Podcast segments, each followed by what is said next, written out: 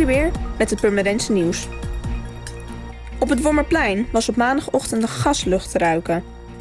Er werden acht woningen ontruimd en er werd onderzoek gedaan. Aanvankelijk dacht men dat het om een gaslek bleek te gaan.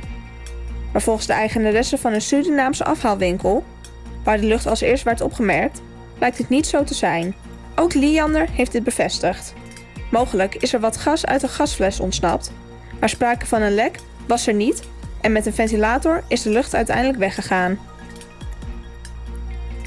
De speelkraam gaat weer open. Vanaf morgen kunnen kinderen er weer naar hartelust spelen. Maar zomaar naar de speelkraam gaan is er niet bij. De speelkraam heeft een online reserveringssysteem ontwikkeld, zodat het aantal bezoekers gereguleerd kan worden. Reserveren kan via de website www.speelkraam.nl.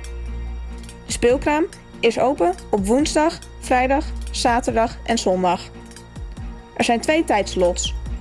Van 11 tot en met 1 en van 3 tot en met 5. De tussenliggende uren is de speeltuin gesloten.